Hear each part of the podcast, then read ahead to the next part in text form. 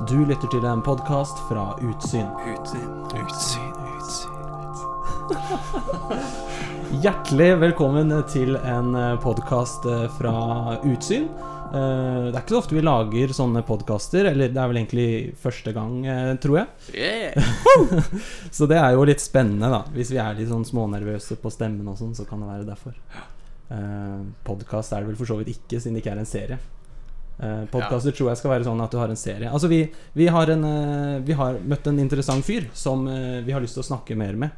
Og tenkte at podkast kan være et sted å gjøre det. Eller i hvert fall sånn radio. Um, I studio i dag så har vi eh, meg som er programleder. Bård heter jeg, er journalist i Utsyn. Og så har vi min bror, Nils Kåre, også Bø. også Bø. Nå jobber i NLM Ung med Mm. litt forskjellige ting. Ja. Ja. Hva slags forskjellige ting er det egentlig? Åh, det er ganske mye forskjellig akkurat nå. Eh, Blant annet en lederutviklingsopplegg som vi holder på med, som heter Ung leder. Som eh, ja, blir ferdig litt seinere i år. Mm. Og så skriver vi litt for uh, itro.no, ungdomsnettmagasinet til NLM Ung. Ja. ja. Og litt sånn inn mot misjon. Skjønner. Eh, hørtes veldig NLM-sk ut. Veldig. NLM-sk og fint. Og ikke minst, eh, altså Nils Kåre er eh, medprogramleder, eh, kan man si. Ja. Eh, ikke minst så har vi med oss i studio Eivind Svenningsen. Hei, Hei. Hei. Du ser annerledes ut. det gjør jeg. I hvert fall fra, i går. I hvert fall fra i går. Mm. Hvordan sto du opp i går? Hvordan Hvordan jeg sto opp. Nei, ikke akkurat hvordan du sto opp, men hvordan så det ut da du sto opp i går? Eh, mm, hår i alle retninger, kan man kanskje si. Både under og over hodet. hodet. så, så bra. Altså, det, du hadde et vanvittig skjegg i går da du våkna. Det hadde jeg. ikke, altså, jeg har noen bilder eh, I går så klipte Eivind av eh, alt skjegget han hadde på haka. Uh, Nils Kåre, jeg har noen bilder av uh, Eivind her. Kan ikke du Ja. prøve å beskrive litt, altså skildre hvordan, hvordan så Eivind ut med dette skjegget? Altså det ser jo, Først og fremst så ser det ut som det er to forskjellige personer. Som ikke nødvendigvis er i slekt engang. Eh, altså det Det er kanskje det mest imponerende skjegget jeg har sett på veldig veldig mange år. Og du bor Oi! ikke så langt unna Grünerløkka. Nei, jeg gjør ikke det. Jeg ser mange skjegg i hverdagen. Det er mange Takk. skjegg. Ja. Nei, men det er på en måte Det ser ut som han ene har akkurat kommet ut av skogen eh, for første gang på kanskje ganske lang tid. Mens han andre er litt sånn mer eh, Han er vant til uh, samfunnet vårt. Så bra. Fordi altså, uh, greia med dette skjegget, Eivind, Mhm. hva var det? Det starta som en litt sånn uh, morsomhet. At uh, man har liksom no shave november. Ja. At eh, man ikke tar barten gjerne da i november. Og så blir det kanskje et symbol for å samle inn midler til kreftforskning. Mhm. Um, og så kjenner jeg en del folk som heiv seg på det. Og så tenkte jeg at no shave november, kult, men det er jo litt stusslig, da. Ja, for det er én måned. Ja, en måned. Ja. No shave master. Det, det hadde vært noe, tenkte jeg. Og så begynte jeg å fleipe litt med folk om det, og så hadde jeg til slutt sagt det til så mange at det ble en greie. da At å, Eivind han skal ikke ta skjegget før han har fått master. Og dette var hvor lenge før masteren? Det var da to Eller Hvor lenge hadde du skjegg? Jeg starta jo ikke sant når jeg begynte på master, Ja. og så starta det som litt fleip. Eh, og hadde ikke liksom forplikta meg på noen som helst måte over, overfor noen andre enn meg sjøl. Og tenkte ikke sant, ja, jeg kan prøve litt, se hvordan det går. Men så ikke sant, balla det på seg, og så på et punkt så følte jeg at eh, jeg mister integriteten min hvis jeg ikke Eller hvis jeg, hvis jeg tar skjegget da før masteren er i havn. Ingen spøk uten ild, er det ikke det Mm. man sier? Mm. Og i går så klipte du altså dette skjegget. Det gjorde jeg. Ja. Eller Ja. Torstein gjorde det. ja Torstein. En kompis. klasse, ja, som man skal gå på Fjellhaug, for du tok master på Fjellhaug. Mm. Uh, Utsyn var med på dette stuntet, er vel det nærmeste vi kommer. Tok masse bilder. Gå inn på Facebook-siden vår, eh, som er Facebook.com slash utsyn. Utsyn. Eller Ja. bare søk på Utsyn på Facebook, så får du se før- og etterbilder. Ganske stilig. Mm. Uh, Altså, Du- dette var liksom Var det på en måte litt som det her november Movember eller eh, No Shave November? Var at det varte mye lenger, og du fikk ikke inn noen penger for det? Ja, det beskriver vel egentlig ganske godt. Ja, men kult. Jeg la merke til i går eh, Altså Da du tok det siste delen av skjegget ditt, så, tok du, så fletta du skjegget ditt sammen og tok vare på det. Ja, Hva skal du med den fletta? jeg skal ikke ha den, men eh, det har seg sånn at min bestemor foreslo at at kanskje det var noen som laga sånn der eh, Jeg vet ikke om det heter parykk når det heter skjegg, da, men eh, det lages jo Det lages jo parykker av, eh, av vanlig hår, eller naturlig hår, da. Så hun hadde en idé om at kanskje det var noen som hadde, hadde bruk for det. da Sånn apropos kreft, da. Hvis noen har hatt kreft, så kanskje de kan Kanskje de kan få seg et naturlig skjegg, da. Ja, ja. Så vi får se om det er aktuelt eller ikke. Men, ja, men da kom det jo noe godt ut av den her no Ja, shave-masteren. det gjorde det. Det er jo en kjempeidé. Mm. Så vi får se om det er noen som vil ta på seg skjegget mitt. Hvis du får se noen gå rundt med skjegget ditt på gata, klarer du å holde deg da Klarer du å ikke si noe da? Hmm, godt spørsmål. Jeg, jeg kan prøve, i hvert fall. Ja. Jeg, kanskje jeg går bort og så ser jeg eh, kult skjegg. Ja, fordi du, det er noe med det med skjegg. Altså, eh, vanligvis når jeg møter folk, så kommenterer jeg ikke 'Oi, så store øyenbryn du har', eller liksom Mm. kommenterer utseendet. Men med en gang folk har skjegg, da er liksom, da er det greit å si 'Oi, det var flott skjegg', eller eh, 'Det var eh, litt rart'. Ja, Hva er det med skjegg som gjør at man liksom plutselig har lov, lov til å kommentere utseendet til folk? godt spørsmål, det òg. Um, Kjenner du deg igjen? jeg kjenner meg igjen. Jeg hadde absolutt en opplevelse av at jeg fikk veldig mye mer kommentarer på utseendet mitt etter at jeg lot skjegget gro. da Mm. Og det Jeg tror det handler litt om eh, den kulturen vi, vi lever i. At eh, vi sier veldig mye om oss sjøl, ofte. Med hvordan vi kler oss, hvordan vi har håret. Kanskje vi har eh, sminke, ikke sant? kanskje vi har smykker, sånne ting. Mm. Så vi, vi knytter en del av identiteten vår til liksom hvordan, vi, hvordan formen vår er, hvordan vi ser ut, rett og slett. Mm. Så vi sender noen signaler, da. Og når jeg Hva skal man si? Når jeg tør å se ut som en som bor i skogen, liksom, så Så sender jeg jo noen signaler som på en måte folk har rett til å kommentere, da. Ja. Det er fall Det er lett å kommentere noe som ser kanskje litt annerledes ut. Mm. Når man lager sånn lyd som dette, så er det ofte vanskelig for dere som eh, hører, å se for dere akkurat uh, hvordan dette skjegget var. Gå inn og se på det, for vi skal ikke snakke om skjegg i uh, hele dag, Nils Kåre. Nei, vi skal ikke det. Fordi Eivind er jo her fordi han har skrevet en masteroppgave med et veldig spennende tema. Mm. Uh, ja. Uh, Si bare fort, altså Vi skal snart ta en liten pause, men eh, hva tema, hva handler det om? Temaet er vel uh, unge mennesker og religiøsitet, eller tro. Uh, Problemstillinga var hvorfor bryter unge mennesker med, med troa. Mm. Og det kommer vi straks tilbake etter ei lita pause. Du hører på en podkast fra Utsyn. utsyn, utsyn, utsyn. Det er litt sånn heismusikk, den, der, eh, den jingeren eller den pausemusikken. Ja, den er veldig koselig. Vi skal snakke om eh, masteroppgaven til eh, Eivind, som Mm. eh, handler om eh, hvorfor folk, unge mennesker, fortrinnsvis slutter å tro på eh, Gud, den kristne guden som eh, vi, bor, vi tror på.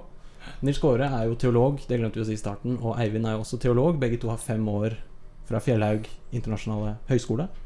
Du har jo tre år sjøl, Tre år. så vi er godt dekka i studio her, tror jeg. Jeg tror vi er, Ja, vi får se. Jeg vet ikke om det legges Altså Jeg tror ikke det regnes som at vi da til sammen har 12, nei, 13 års uh, teologisk utdannelse. For det er mye Jeg tror det gjør det, da. Jeg tror det er mye felles kunnskap i de huene her. Ja, det kan være. Ja. Det kan være. Men i hvert fall, uh, Eivind. Du uh, skulle altså Problemstillinga di handla om at du skulle finne ut hvorfor unge mennesker slutter å tro på Gud. Mm. Hvordan skulle du finne ut det her? Metoden jeg brukte, var det som heter kvalitative forskningsintervju. Og det betyr kvalitative her. Det høres fancy ut, men det går rett og slett ut på at jeg eh, fant fram til sju unge mennesker som hadde vært kristen.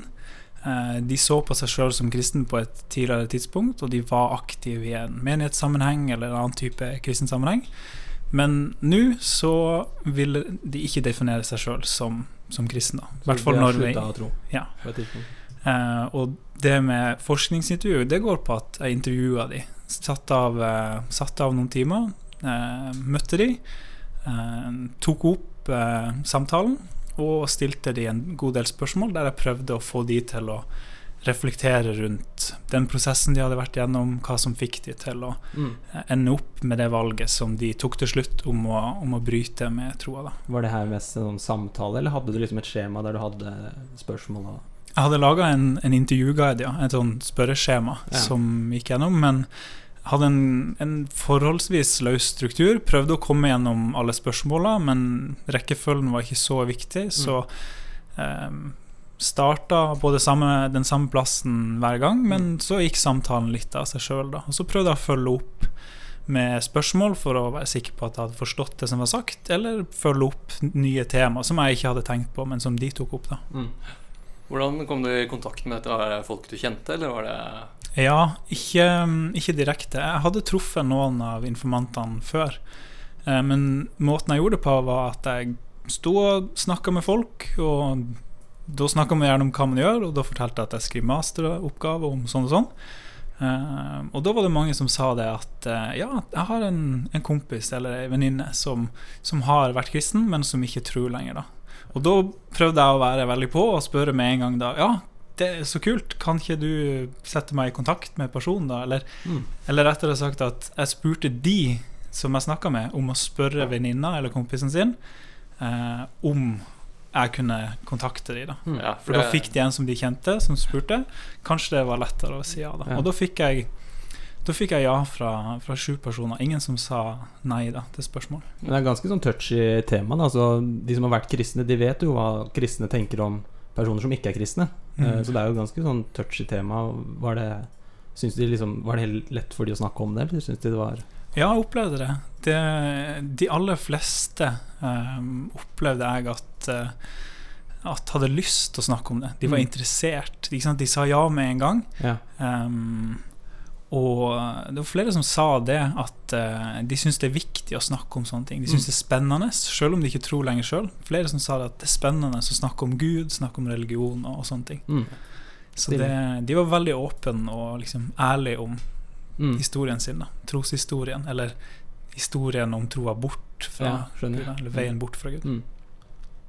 Var det, skrev du dette bare fordi det var liksom en vitenskapelig greie som noen burde finne ut av, eller hadde du en personlig grunn til å skrive om temaet? Mm.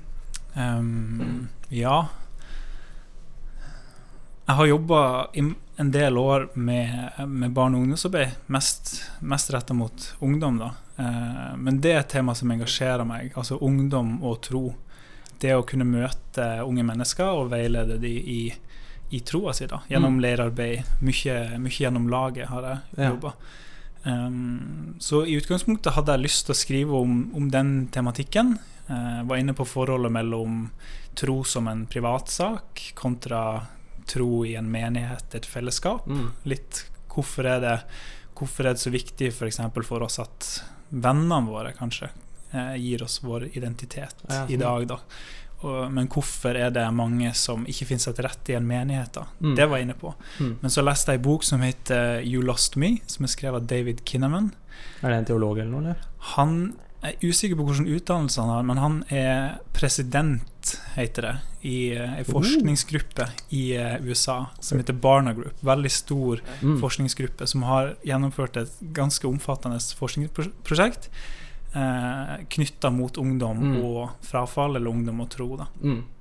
Og den boka handla egentlig om veldig mye av det samme som masteroppgaven min. da Altså intervjuer med, med folk som har vært kristen, som Mm. ikke er det lenger. da Mm. Og ikke Ja, mye større materiale enn jeg har hatt. Mm. Så han trekker ut, ikke sant prøver å forklare noe av det, basert på den store undersøkelsen. da Så det Jeg syns rett og slett at den boka var så spennende, og det ga meg litt sånn spissa problemstilling som jeg kunne, kunne mm. bruke til min oppgave òg. Innafor det temaet som jeg var interessert i. Du har jo altså skrevet en masteroppgave. Jeg og Nils Kåre har fått den tilsendt. Og jeg ljuger hvis jeg sier at jeg har lest hele, men jeg har eh, Altså vi journalister leser en bok på 500 sider på en halvtime. Så jeg har eh, På den måten har jeg lest den. Men eh, Altså det er 80 sider. Går det an å oppsummere litt raskt, forholdsvis raskt hva, hva du fant ut? Altså Du intervjua sju personer over flere timer. Hva, hva det de, hvorfor slutter de å tro? Ja. I oppgaven så har jeg prøvd å samle det i tre punkter. Det første punktet går på at um, alle har sin historie. da Mm. At det er Livshistorie, liksom? Ja. Ja. Um, vi møter ulike ting, og det var det intervjuene fokuserte på. mange av spørsmålene gikk på at de skulle reflektere rundt hva var det som hadde påvirka de Mm. til å bryte med troa. Og da er det lett å tenke sånn ytre sett, men det kunne òg være ikke sant, ting som handler om personligheten og mer sånne okay. indre faktorer, hvis vi kan kalle det for det. Og da er det et veldig viktig poeng for min del da, å si det at alle har en ulik sammensetning av påvirkning. da. Eh, og det er ikke for å si det at eh, her kan vi ikke finne noen fellestrekk og Mhm. liksom unngå å konkludere med noe, men det er viktig fordi at religiøsitet består av så mye forskjellig. da. Man har mange ulike dimensjoner. da. For, for noen så kan det være veldig viktig, f.eks. tilhørigheten til menigheten. Mm. For andre kan det være mer viktig hva man har lest, Ja. eh, intellektuelle ting.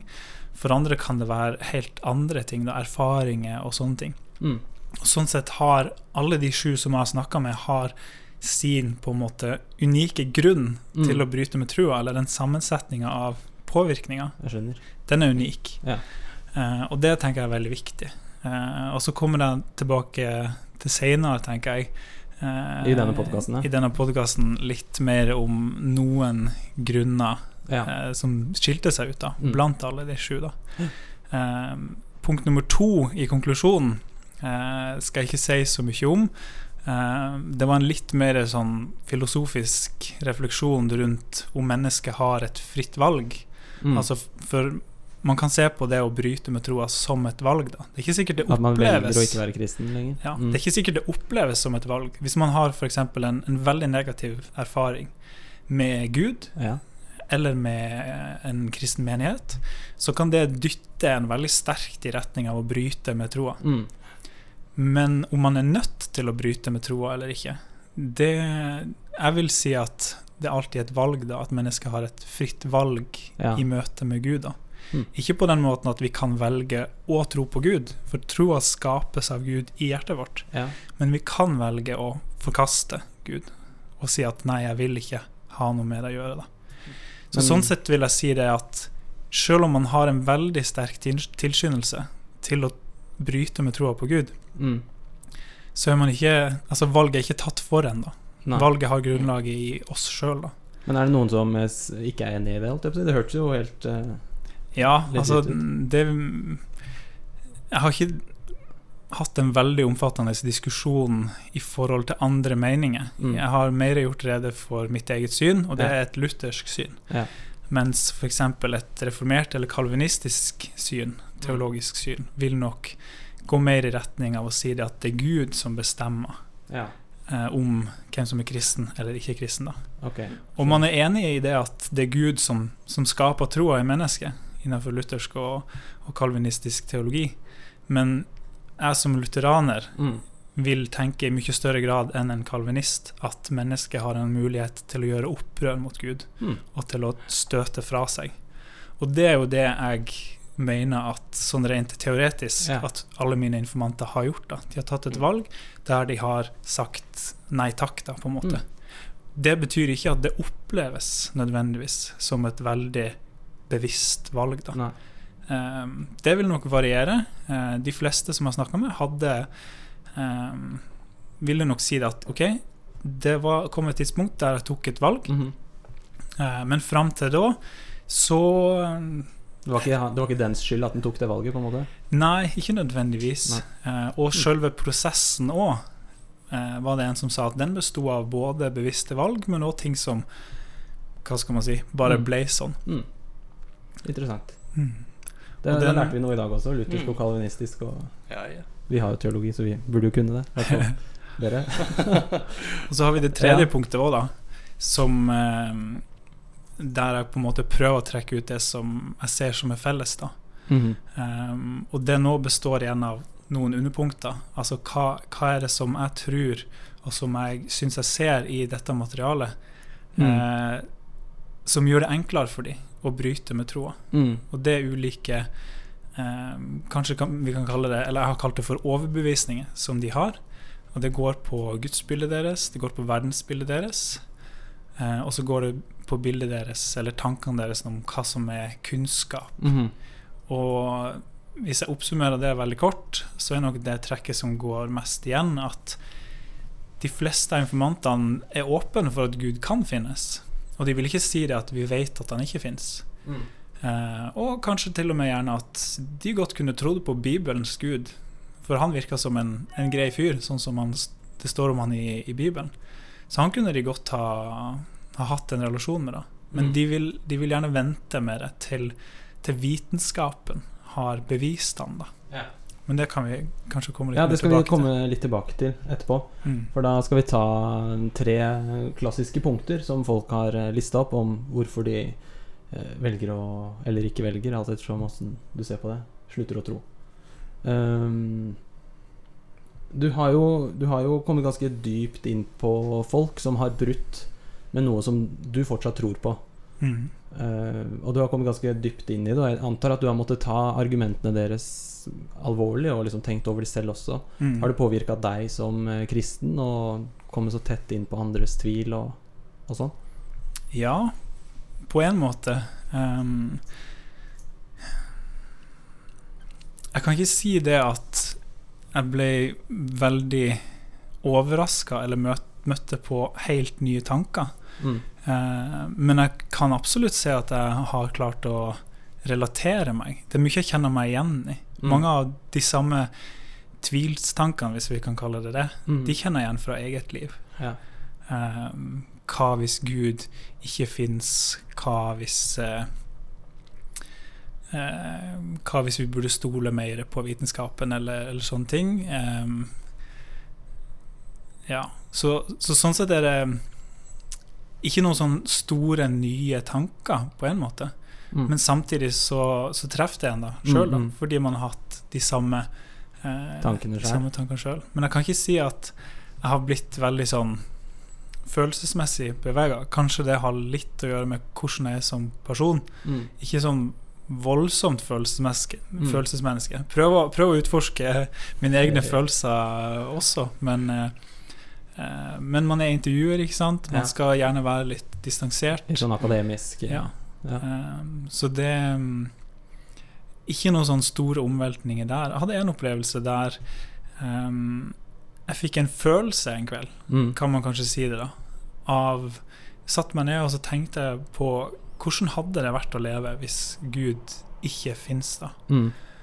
Og på en måte opplevde det på kroppen, da. Mm. Og det ehm, Jeg fikk jo en anledning gjennom intervjuene til å sette meg inn i informantene sitt ståsted. Ja.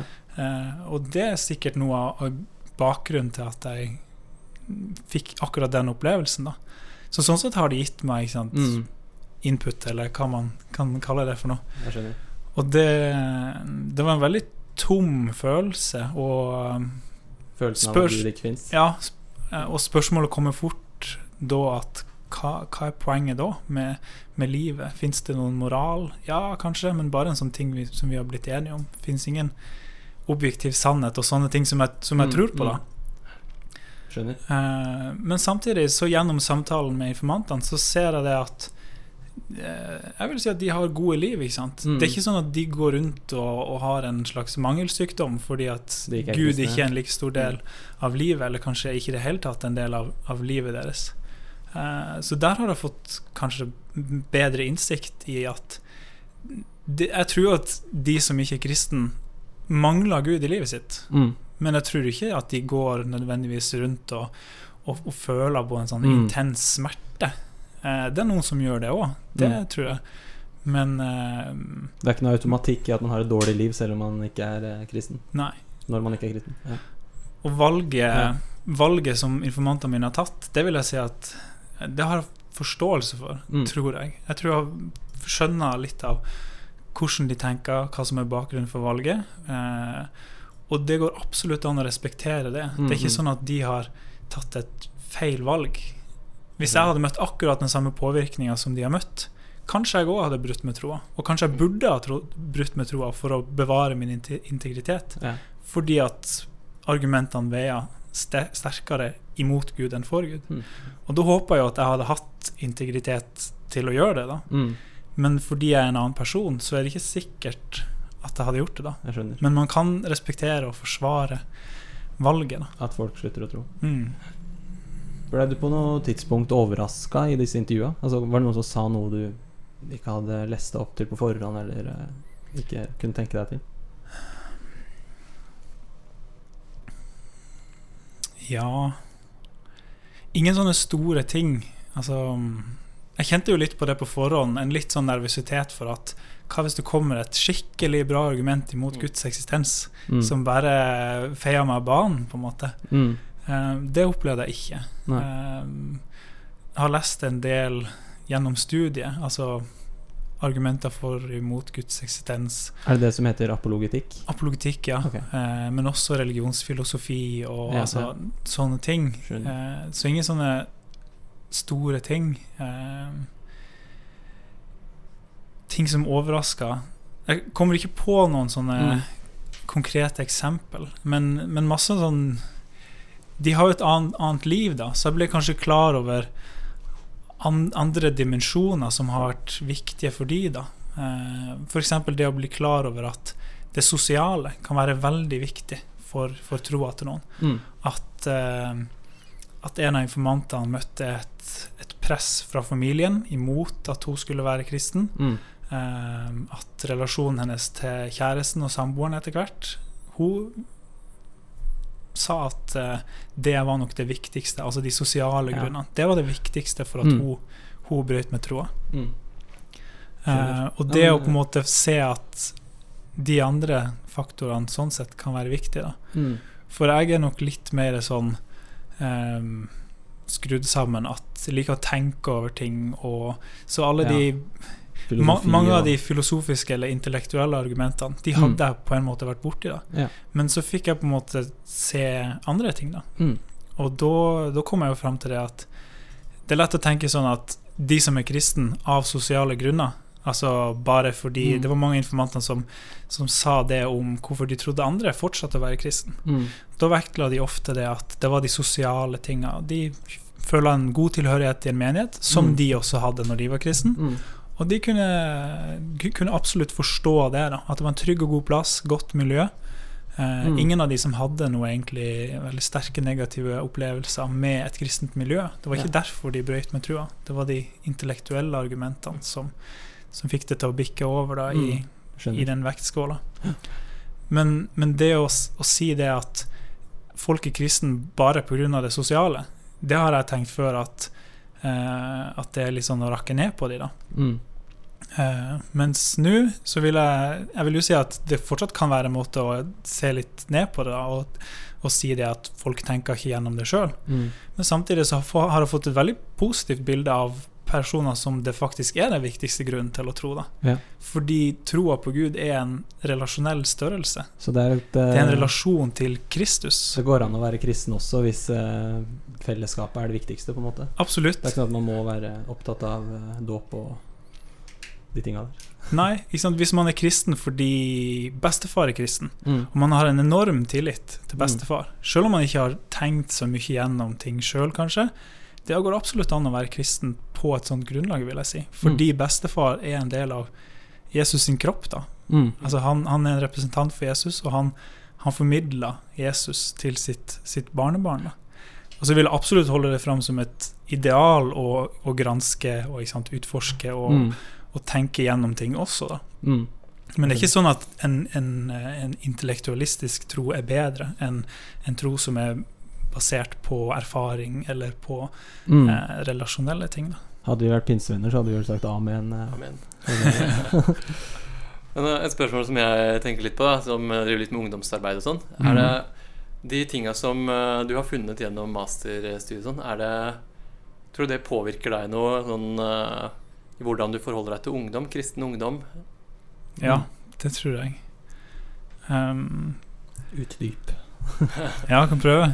Ehm, jeg tror kanskje det viktigste jeg har lært gjennom masteroppgaven i forhold til unge mennesker, ehm, er det å eh, At det er viktig med åpenhet. Viktig å gi dem en mulighet til å tvile. da Ja. At det er ikke farlig. Vi skal ikke unngå de vanskelige spørsmålene. Mm. Eh, vi, vi, må ikke, vi må ikke gjemme det bort. Vi må Mm. skape en arena der ungdommene kan få lov til å stille spørsmål, selv om vi ikke har svar.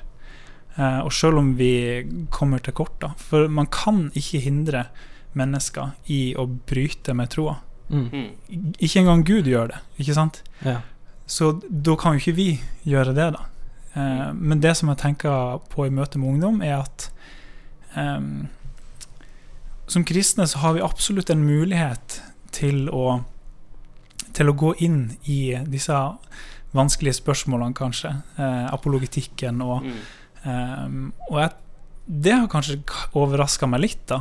Over hvor godt man kan argumentere for kristen tro, da. Mm. Eh, har lest en del eh, Noen sånne filosofiske bøker som jeg ikke skal gå inn på nå, men som tar opp noen argumenter, og som jeg syns er, er veldig bra.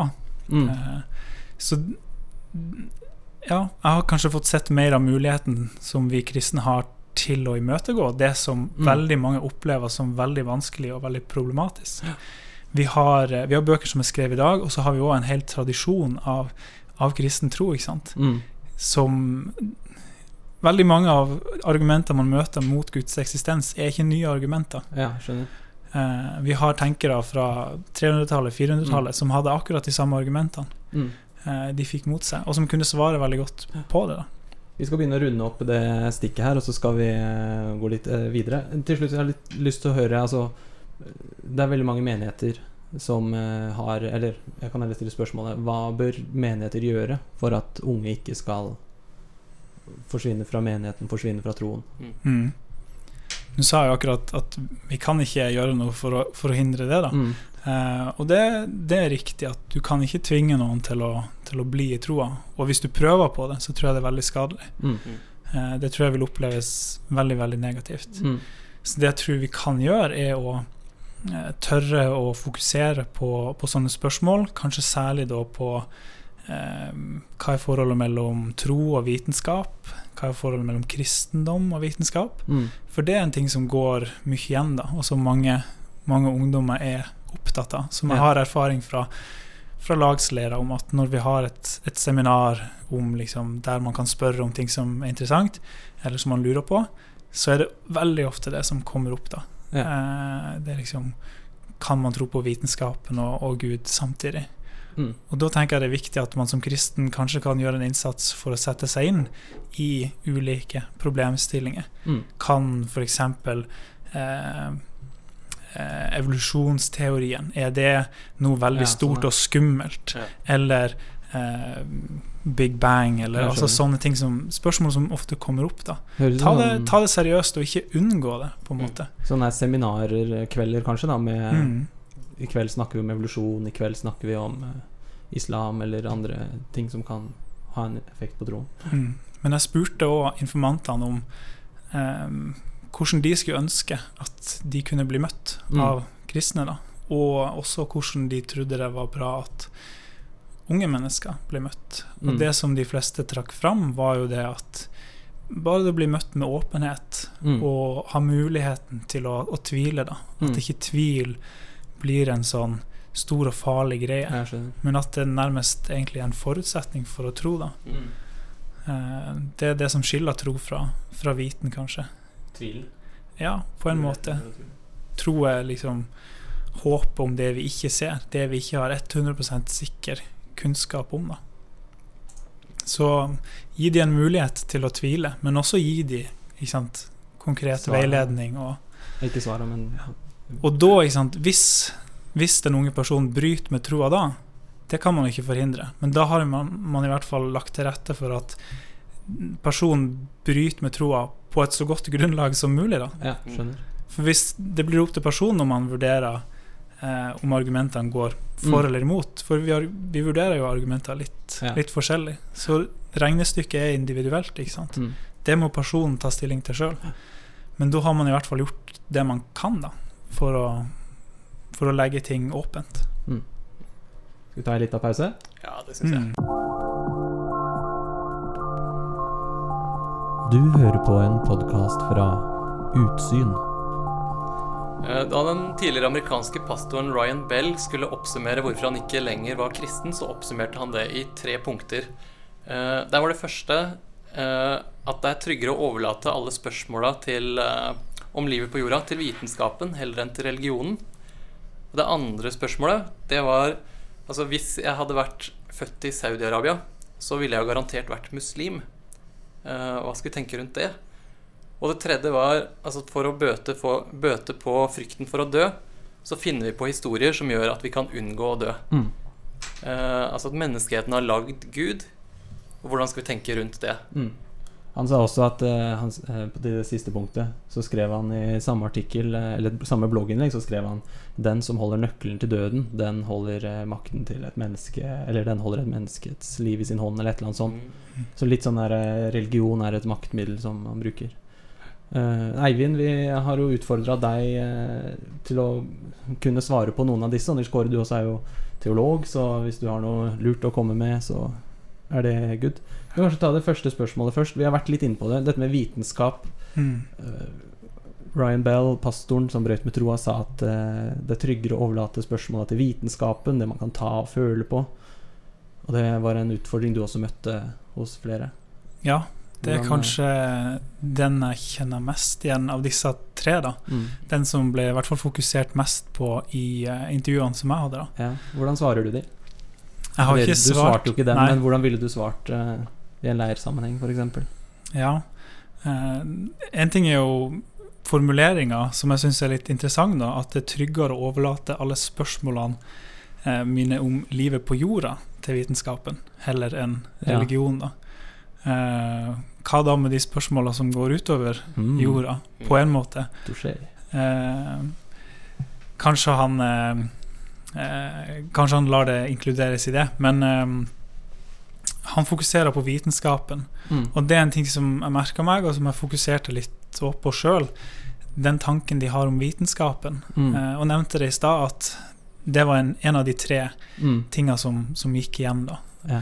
Eh, og som jeg tenker og er enig i at hvis du har en tanke om vitenskapen som én samla størrelse, vitenskapen med stor V, Mm. Da tror jeg nok det er enklere å bryte med Mm. troa. Eh, for da Mange av de sier ikke sant, at de kan gjerne tro på Gud hvis vitenskapen har bevist han. Mm. Og da på den ene sida så opererer de med et bilde av vitenskapen som er en sånn stor autoritet. da. Vitenskapen med, med stor V. Mm. Og den gir oss sikker kunnskap om ting. Ja. Hvis vitenskapen har bevist noe, da vet vi Mm. at det er sant. da. Ja. Og hvis Gud er av en sånn type, et sånt slag at han kan bevises gjennom vitenskapen, da er det jo helt rimelig å kreve at han skal gjøre det Mm. for å tro på han. Mm. Men Eh, eh, det kan han ikke, eller? Ikke nødvendigvis. Altså, jeg fokuserte jo litt på eh, synet til informantene på hva er kunnskap, sannhet, eller hva er viten, da. Mm. Eh, og gudsbildet deres og verdensbildet. Eh, og det som gikk litt igjen, var at man kanskje hadde et materialistisk verdensbilde. At man Hva tror at, eh, at verden består av bare atom og energi, inntil det er bevist at det kanskje finnes en åndelig virkelighet. Da. Ja, sånn, ja.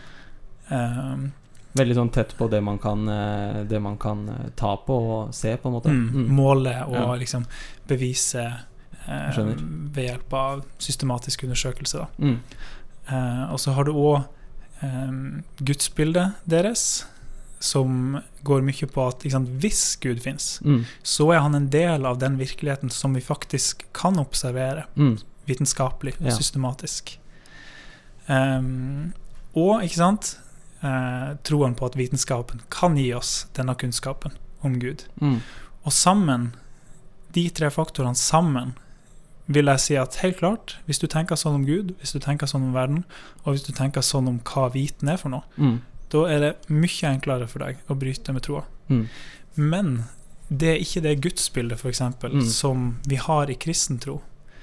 Eh, Hvordan skiller det seg fra Jeg kan prøve å forklare det uten å bruke for vanskelig Man har jo liksom noen litt vanskelige ord på det. Eh, transcendent ja, er et ord som er viktig her. Det betyr Det at Gud er transcendent, at han er Han transcenderer, han står over, han er utafor skaperverket. Ok.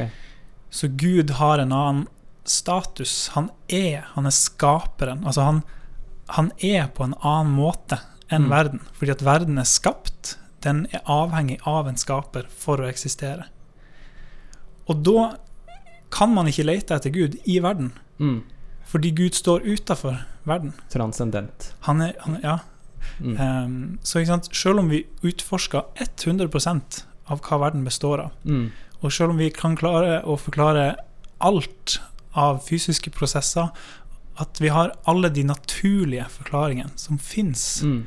om verden, da. Vi, vi vet Hvis vi kunne vite ting med 100 sikkerhet gjennom eh, naturvitenskapelige metoder, f.eks., Ja. og så komme fram til 100% kunnskap om hele verden Mm.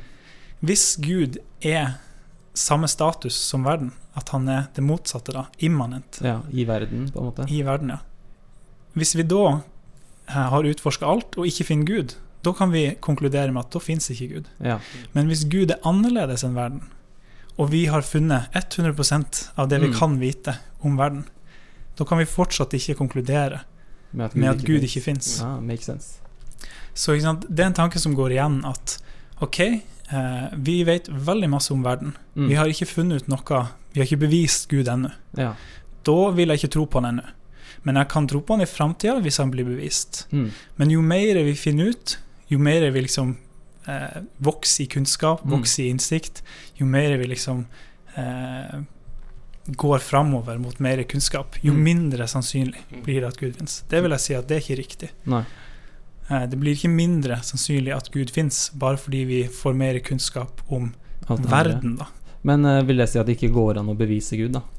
Jo, jeg vil nok si at det går an å bevise Gud, eh, men du må bruke en annen form for beviser, da. Mm. Det er ikke naturvitenskap som skal bevise han, på en måte? Nei. ehm, jeg tror nok at hvis Gud griper inn i verden, Mm. at vi kan absolutt erfare det. Og du har noen eh, historier i Bibelen om Gud som sender ild ned fra himmelen. ikke sant? Mm. Og hvis man, eh, hvis man har eh, et termometer akkurat der det skjer, selvfølgelig gir det utslag. Man kan jo måle det. Mm. Man kan måle kanskje ekstreme varmeforandringer. Man kan måle eh, at eh, kanskje noe elektromagnetisk stråling eller varmestråling Ja, ja, eller sånne ting. Men det vil fortsatt ikke være Gud. Det er bare Gud som griper inn i skaperverket Mm. og manipulerer det. Ja. Så det er ikke et sånn sett Mm. bevis. Vi kan ikke undersøke Gud systematisk på Mm. den måten. Eh, men hvis man har en erfaring om Gud, at man opplever Guds nærhet Det Mm. var det flere av mine informanter som hadde gjort. Jeg spurte dem om det. Har du en opplevelse eh, der du eh, som du tolker som en erfaring med Gud? da? Mm. Og det var det flere som hadde. Mens i ettertid så vil de nok si det at det var nok følelsene mine som var sammensatt på en litt spesiell måte. Jeg skjønner. Um, og så forklare det på den måten, da. Ja. Og jeg tror absolutt at man kan ha opplevelser som bare er eh, Kanskje gjennom musikk, f.eks. For eksempel.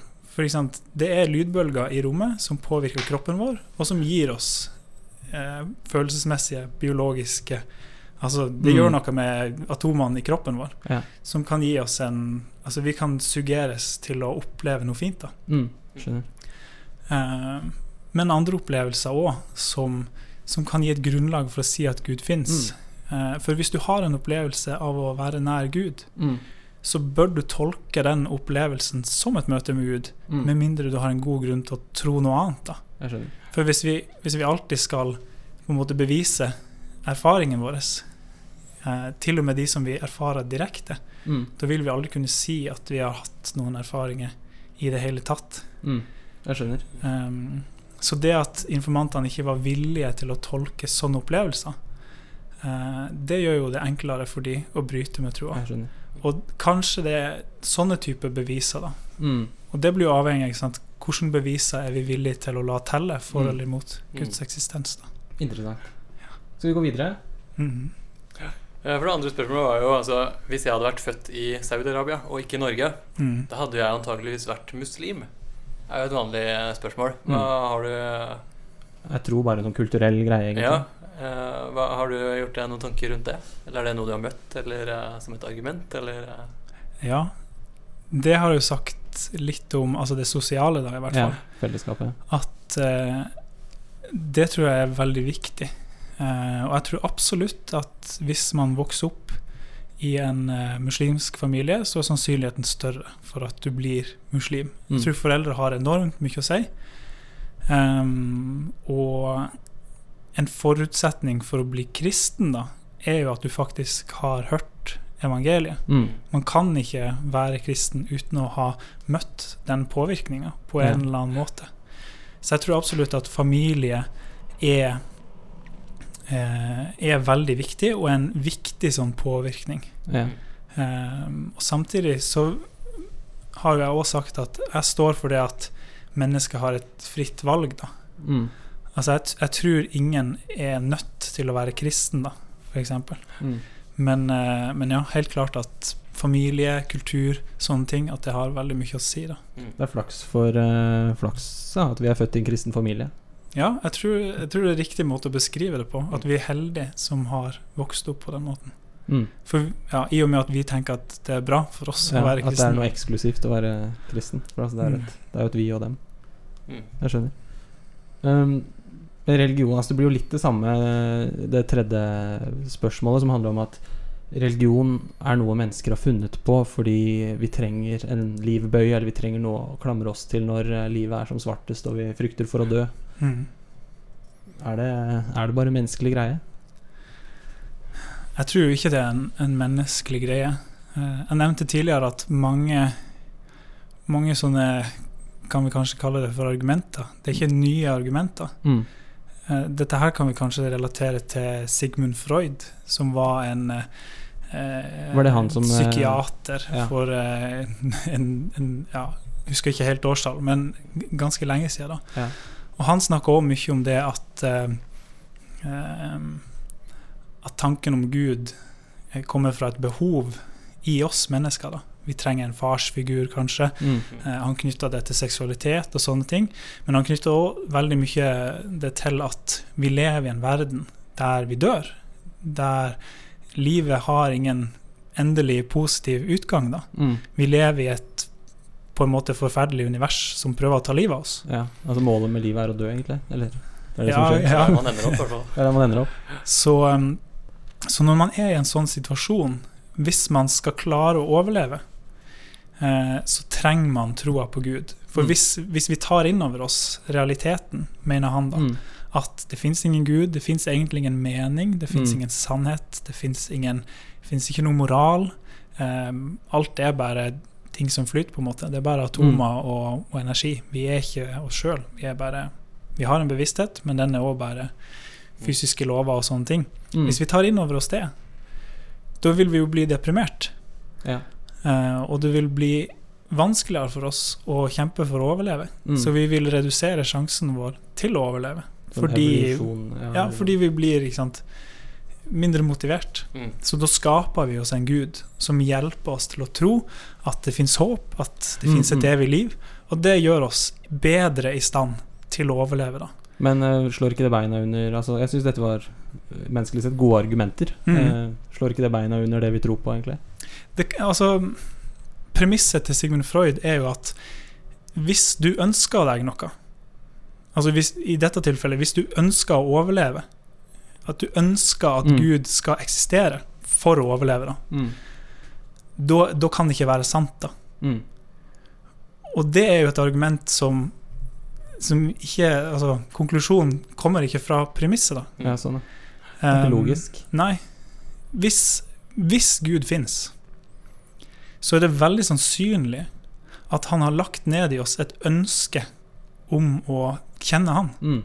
Så det at vi ønsker at Gud fins, Ja, er ikke et argument for at han ikke, ikke gjør det. Jeg skjønner. Litt Eh, komplisert tanke, men jeg, jeg, tror jeg, tror jeg skjønner. Spol tilbake hvis du ikke fikk det helt ved med deg. Mm. Så det, det gir seg på en måte Konklusjonen til Sigmund Freud gir seg litt av premisset hans. For Ja. premisset hans er jo i utgangspunktet at han tenker at Gud fins ikke. Derfor tenker vi sånn som vi gjør. Mhm.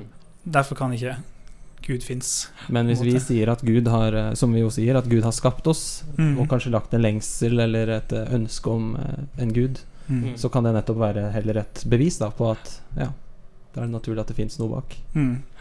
Og da beviser ikke sant, som et Ikke som at det må være sånn, Mm. men hvis, ikke sant, hvis Gud fins, så gir det veldig god mening Mm. at vi skulle ha dette ønsket Mm. om å være nær Han eh, og, og søke etter Han. Det er ikke et Altså Argumentet om at det her er ikke sant fordi du vil det, Mm. Det er, er ikke gyldig. Nei, jeg vil si at det er ikke et gyldig argument. Wow. Vi kunne sikkert snakka timevis i dag. Jeg har masse spørsmål i hodet som jeg ikke har, eh, ikke har sagt. Altså Jeg skulle gjerne hatt deg til å snakke mer om evolusjon og snakke mer om Sigmund Freud. Uh, alle mulige disse spørsmål som dukker opp. Kanskje vi får ta det seinere heller, uh, og med flere personer. Det er mange som har tanker om dette. Mm. Tusen takk, eh, Eivind. Eh, masteroppgaven din er Det er ikke ofte liksom, man kan lese masteroppgaver og liksom tenke ja, dette er interessant, men det gjaldt eh, din. Den er i biblioteket på Fjellhaug. Den er sikkert noen andre steder òg. Og så tipper jeg at du ikke er ferdig med dette temaet, selv om Nei. masteren er eh, levert og skjegget er tatt. Jeg er ferdig med oppgaven. Det, man blir jo lei av å skrive en oppgave, men temaet er jeg absolutt ikke Mm. ferdig med. Jeg syns det er kjempespennende Ja. fortsatt. Så bra. Skal vi takke fra studio i dag? Ja, det syns jeg. Eh, en oppfordring til slutt. Altså, vi i Utsyn eh, jobber alltid med nye måter å lage nyheter på. Dette er en måte vi har prøvd. Gi oss gjerne en eh, liten tilbakemelding. Eh, du kan gjerne bruke en melding på Facebook f.eks. hvis du liker denne måten å høre artikler på. Eh, send oss tips hvis det skjer noe i ditt eh, nabolag som du tenker er verdt å skrive om. Og så får vi ellers bare si god høst og jul, og kommer helt an på når du hører denne. Takk for at du lyttet til disse 50 minuttene med samtale med Eivind Svenningsen, Nils Kårebø og meg, journalist Bård. Ha det godt! Ha det. Ha det.